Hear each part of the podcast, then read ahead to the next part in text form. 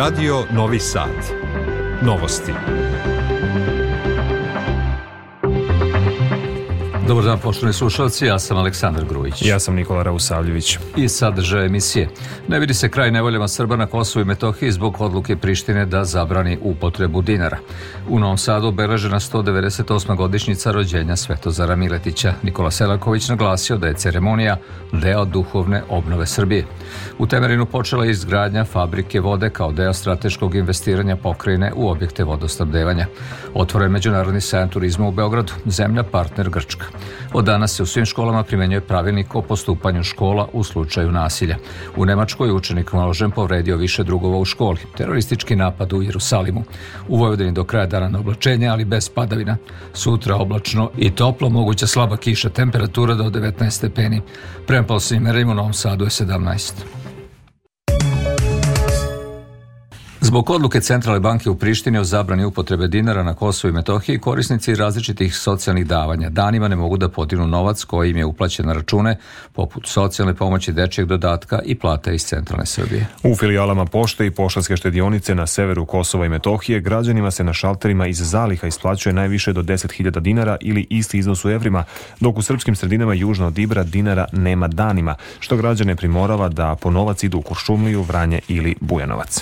Bivši Gradonačelnik Severa Mitrovice i član Srpske liste Milana Radojević izjavio je da je zbog odluka premijera privremenih prištinskih institucija Albina Kurtija nekoliko desetina hiljada ljudi ostalo bez ličnih dohodaka penzija, bez pomoći države za lečenje bolesnih i socijalno ugroženih ljudi, ali da su najugroženiji oni koji novac primaju na ruke u poslovnicima pošte, jer i ne postoji mogućnost da ga dobiju na drugom mestu ili na drugi način. Podsjetimo, glavni prištinski pregovarač Besnik Bislimi najavio je da neće ići na sastanak sledeće nedelje u Briselu koji je zakazao Miroslav Lajčak povodom regulisanja dinarskog platnog prometa, jer tvrdi da pitanje dinara nije deo dijaloga Beograda i Prištine.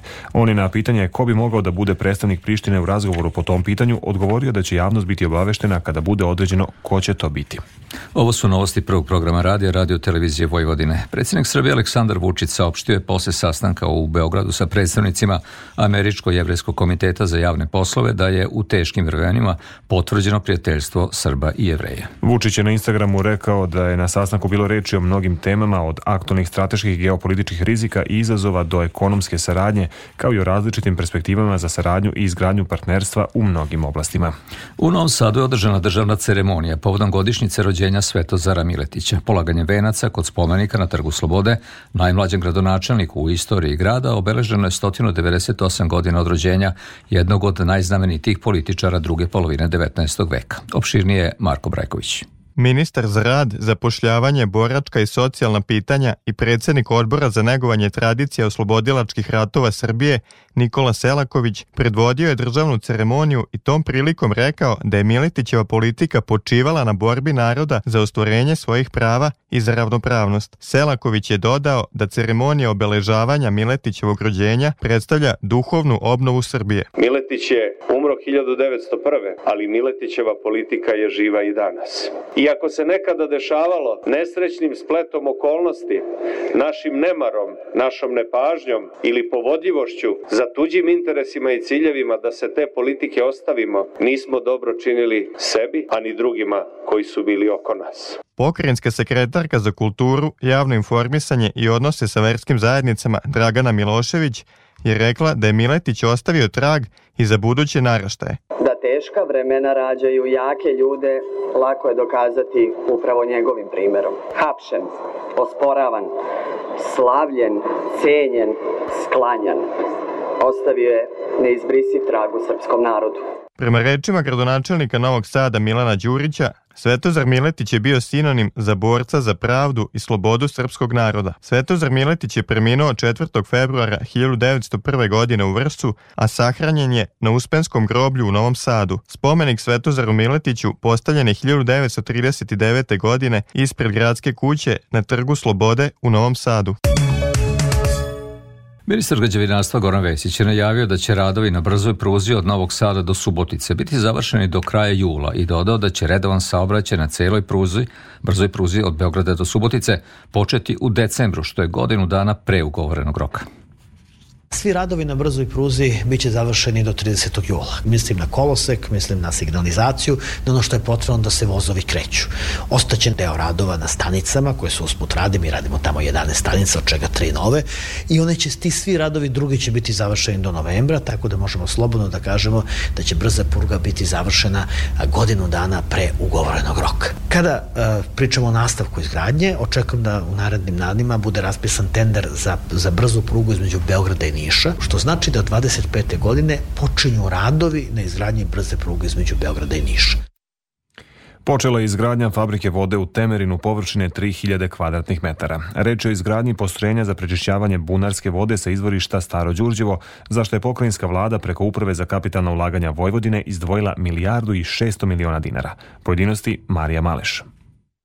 Verujem da ćemo za najviše dve godine dobiti zdravu pijaću vodu, čime će biti rešen višedecenijski problem građana Temerina, izjavio je predsednik pokrenjske vlade Igor Mirović nakon što je sa predsednikom te opštine Mladenom Zecom položio kamen temeljac za izgradnju vodopostrojenja. Važno je napomenuti da smo zaista ovom poslu pristupili profesionalno, imali smo više mesečnu analizu preko pilot postrojenja ovde i na drugim izvorištima na teritoriji opštine Temerin koja je pokazala kojim putem kada je reč o izboru tehnologije treba da idemo. Pokrajina je prošle godine uložila 600 miliona dinara za revitalizaciju bunara u seoskim sredinama i nastavlja da investira u vodopostrojenja. U Beočinu uskoro treba da počne rekonstrukcija veoma stare fabrike vode koja radi ograničenim kapacitetom. Upitan za rešavanje problema sa fabrikom vode u Zrenjaninu, Mirović je kazao da se pokrenjska vlada nije bavila pitanjem izgradnje tog postrojenja, niti je uključena u otklanjanje problema koji su nastali. Pre nas sam mišljenje najstručnijih ljudi koji imamo i u zemlji i u inostranstvu, onih ljudi koje sam upoznao tokom ipak 35 godina radnog staža, e, iznose svoje mišljenja, tehnologija koja je tada izabrana nije adekvatna za rešavanje pitanja vodosnabdevanja. Zašto se krenulo tim putem? Pitanje je za lokalnu samoupravu. Prema Mirovićevim rečima, trenutno je vlada Srbije preuzela na sebe da rešava to pitanje. Pod sloganom Avantura počinje ovde, na Beogradskom sajmu održava se najveća turistička smotra u zemlji i regionu, 45. Međunarodni sajam turizma, na kojem učestvuju više od 500 izlagača iz 27 zemalja. Detaljnije iz Beograda, Irina Samopjana. Najveću turističku smotru u jugoistočnoj Evropi sinoć je otvorio predsednik Aleksandar Vučić i rekao da domaći turizam iz godine u godinu podstiče ekonomiju naše zemlje. Tih 2 miliona i 100 hiljada stranih turista koji su u toku prošle godine pohodili našu zemlju, ovde su došli nošeni idejom o dolasku na jedno lepo, zanimljivo i pre svega bezbedno mesto. I prvi put u istoriji Srbije broj stranih gostiju je premašio broj domaćih turista. Obaveštavam vas da je Srbija u prošloj godini bila prva destinacija u svetu po stopi rasta prihoda od stranih turista u odnosu na 2019. godinu i iznosila je 79%. Zemlja partner ovogodišnjeg sajma turizma u Beogradu je Grčka, čije destinacije u najvećem broju privlače naše turiste. Prema poslednjim podacima, više od milion turista letuje u toj mediteranskoj zemlji. Pred posetiocima su first minut ponude i paketi sa mnoštvom pogodnosti za porodična putovanja, daleke i egzotične destinacije, putovanja za mlade, city break destinacije, ponude za odmor i oporavak u banjama, tu su i ponude za spa vikende na planinama, za eko i aktivni turizam, a organizatori kažu da se na sajmu mogu pronaći popusti za letnju sezonu i do 40%. Tradicionalno na sajmu učestvuju najznačajnije turističke agencije, udrženja i organizacije, hoteli, turistički centri, transportne kompanije i međunarodni tur operatori. Kada je reč o dalekim destinacijama, prvi put nastupaju Kambodža, Ekvador, Sveta Lucija, Libija i Šrilanka, a zemlje koje se vraćaju i ponovo predstavljaju svoju turističku ponudu su Indonezija, Kuba i Sao Tome i Principe. Na sajmu turizma u Beogradu na štandu pokrajinskog sekretarijata predstavljaju se privrednici čiji proizvodi su poneli oznaku najbolje iz Vojvodine, zatim predstavnici Udruženja nacionalnih zajednica koji žive na teritoriji naše pokrajine i partneri sa Departmana za turizam i ugostiteljstvo. Turistička organizacija Vojvodine i lokalne pokrajinske organizacije predstavljaju ponudu na zajedničkom štandu. U sklopu sajma turizma u Beogradu do nedelje možete posetiti i Međunarodni sajam hotelsko-ugostiteljske opreme. Nosilac izborne liste Mi glas iz naroda Branimir Nestorović najavio je nakon napuštanja pokreta Mi glas iz naroda zajedno sa Aleksandrom Pavićem da je u procesu osnivanja nove stranke sa ljudima koji ga podržavaju. U pokretu kažu da je Nestorović pre napuštanja ultimativno tražio da bude predsednik stranke dok Nestorović to negira i objašnjava da je svakako u toku osnivanje stranke i da će je formirati sa ljudima koji ga podržavaju. Izvršni direktor Centra za slobodne izbore i demokratiju Bojan Klačar ocenio je da je nakon raskola u pokretu Mi glas iz naroda jasno da će postojati nova raspodela snaga i u gradskom parlamentu i u Narodnoj skupštini, što ostavlja prostor za nove izborne kalkulacije i da preostali članovi pokreta, ukoliko budu želeli, uđu u koaliciju sa Srpskom naprednom strankom i SPS-om.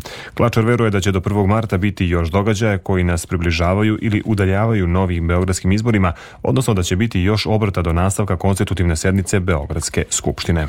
U Višem sudu u Beogradu svedočenje porodice žrtava nastavljeno je suđenje u parničnom postupku protiv porodice Kecman Jovanović, odnosno majke, oca i dečaka, koji je 3. maja u osnovnoj školi Vladislav Ribnikar ubio devet vršnjaka i čuvara i ranio još šest osoba. Tužbu je podnelo 27 članova porodice žrtava masakra, a sud će po okončanju parničnog postupka odlučiti da li u potpunosti ili delimično prihvata tužbeni zahtev porodica ili ga eventualno odbija.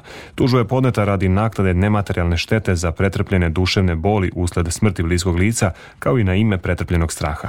Pred tim sudom vodi se i krivični postupak zatvoren za javnost protiv protiv oca i majke dečaka, kao i vlasnika i instruktora streljačog kluba u kojem je, kako se sumnja, KK učio da puca, dok je maloletnik krivično neodgovoran jer u trenutku masakra nije napunio 14 godina. Od danas se u svim školama primenjuje pravilnik o postupanju škola u slučaju nasilja. Osnovna namena pravilnika je prevencija vršnjačkog nasilja i definisanje jasnih instrukcija u kriznim situacijama. Do sada je obučeno 17 prosvetnih savjetnika u školskim upravama, a u narednom periodu planirana je obuka za sve zaposlene u školama. Opširnije Biljana Helena Coxo.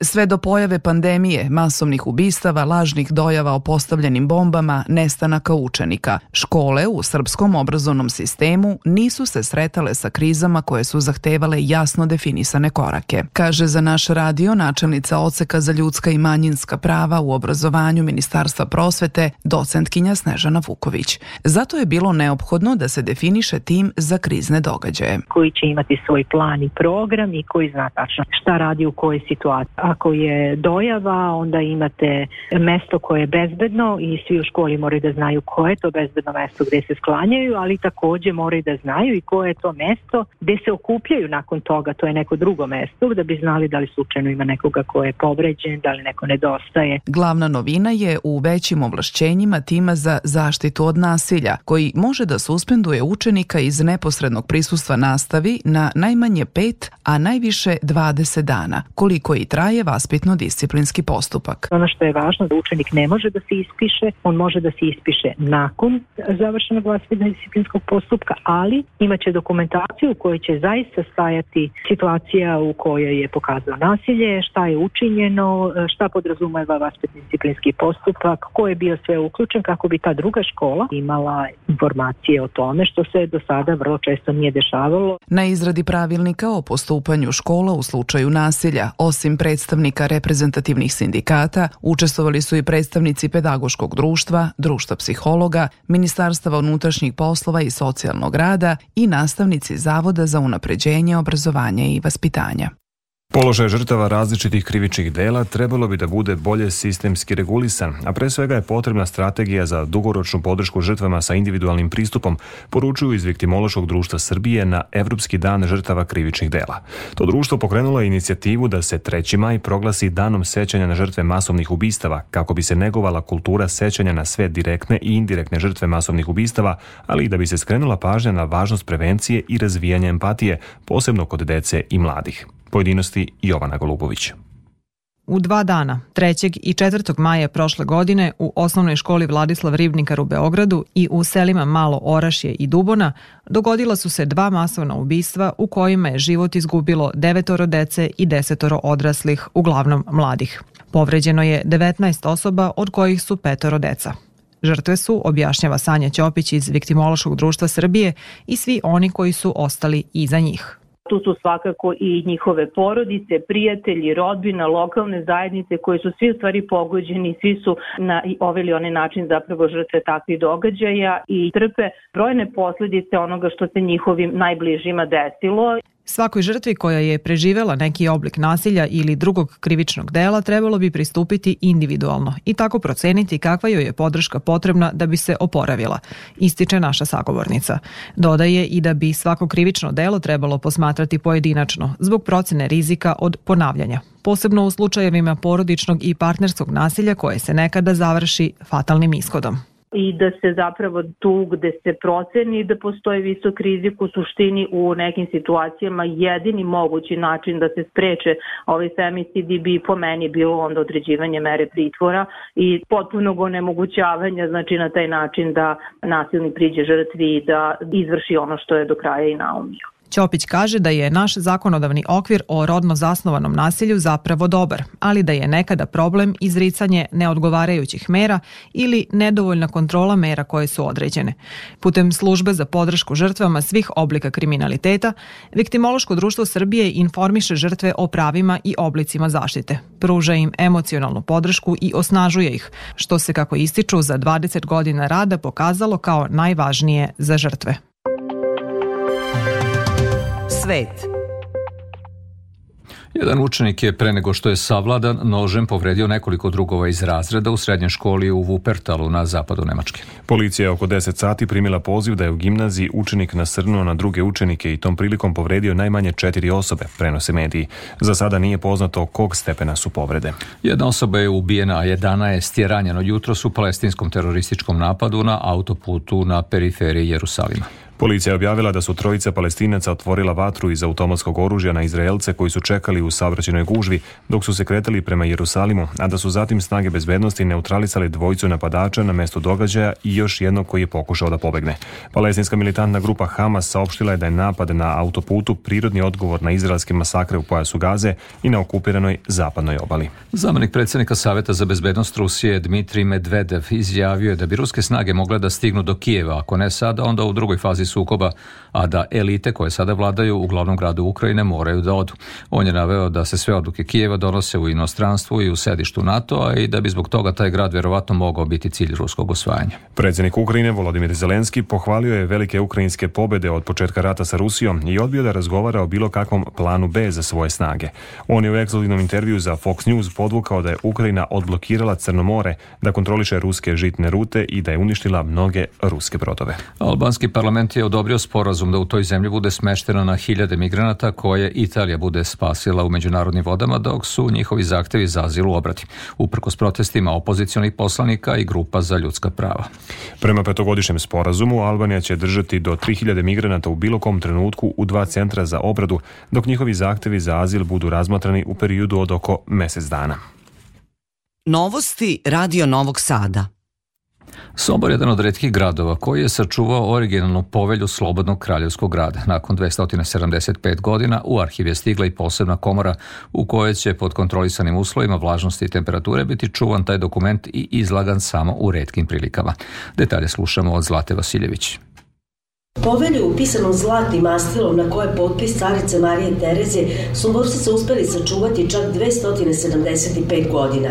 Nije najstariji, ali i najznačajniji dokument koji se čuva u istorijskom arhivu Sombor, kaže arhivatorka Anastazija Mako. Sama povelja čuvana u posebnom ormaru u nekadašnjoj staroj gradskoj kući i tamo je čuvana skoro dva veka, sve do početka drugog svetskog rata, odnosno do drugog svetskog rata. Kada su okupatori mislili da je to nešto bitno, hvala Bogu nisu e, povelju odneli. Povelju je sačuvao jedan službenik e, Franja Šefer centar se zvao, e, kasnije Gradskog narodnog odbora tu u e, Somboru. Nakon toga je povelja e, prilikom prikupljanja arhivske građe donašena u arhiv. Istraživačima i drugim zainteresovanim novice daje fototipsko izdanje, a original se brižljivo čuva. Odnedavno u specijalnoj metalnoj komori, kaže Nataša Stojanović, direktorka Istorijskog arhiva Sombor. Nakon 275 godina eh, ova građa je konačno pod najvišim standardima i normama se čuva u toj specializovanoj klimatizovanoj komori.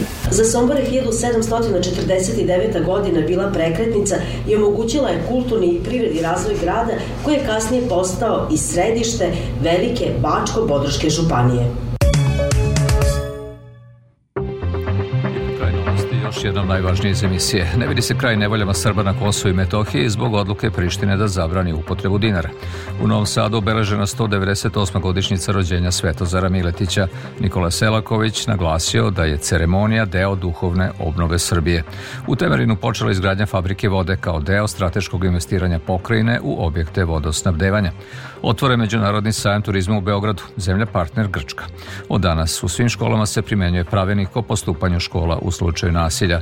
U Nemačkoj učenik nožem povredio više drugova u školi, teroristički napad u Jerusalimu. I o vremenu premerenjem u 15 časova temperatura u Novom Sadu je 16 stepeni vlažnost vazduha 30%, a pritisak 1001 milibar. Vetar je južni do 5 metara u sekundi. U do kraja dana na oblačenje, ali bez padavina. Da čujemo detaljnije kako nas vreme očekuje. U Vojvodini u petak umereno do potpuno oblačno i toplo za ovaj period godina, ali vetrovito. Slaba kratkodana kiša očekuje se tek ponegde u Bačku i Sremu. Petak slab i umeren povremeno jak, južni i jugoistočni, na jugu Banata i sa olujnim udarima. Jutrena temperatura od 6 do 10, a najviše dnevna od 17 do 19 stepeni. Za vikend se očekuje mestomično slaba kiša, dok će početkom sledeće sedmice kiša biti redka pojava. Duvaće slab i umeren južni i jugoistočni veter. U koštarskom području je umeren i jak, povremeno sa olujnim udarima. Radio Novi Sad, meteorolog Miodrag Stojanović. Slušali ste novosti prvog programa radija javne medijske ustanove Vojvodine. Sve informacije pronađite na našoj internet stranici na adresi rtv.rs gde novosti možete da čujete i odloženo. Pratite nas i na društvenim mrežama. Producenti Branislava Stefanović i Zoran Bečejac, tonska realizacija Olga Đipanov. Aleksandar Grujić i Nikola Rausavljević žele vam prijatan ostatak dana. Ostanite uz Radio Novi Sad. U 15 časova i 30 minuta je Radio Sport, a nakon vesti u 16 časova emisija o ličnostima koje su obeležile svoju epohu u dobrom društvu, autora Gorana Vukčevića.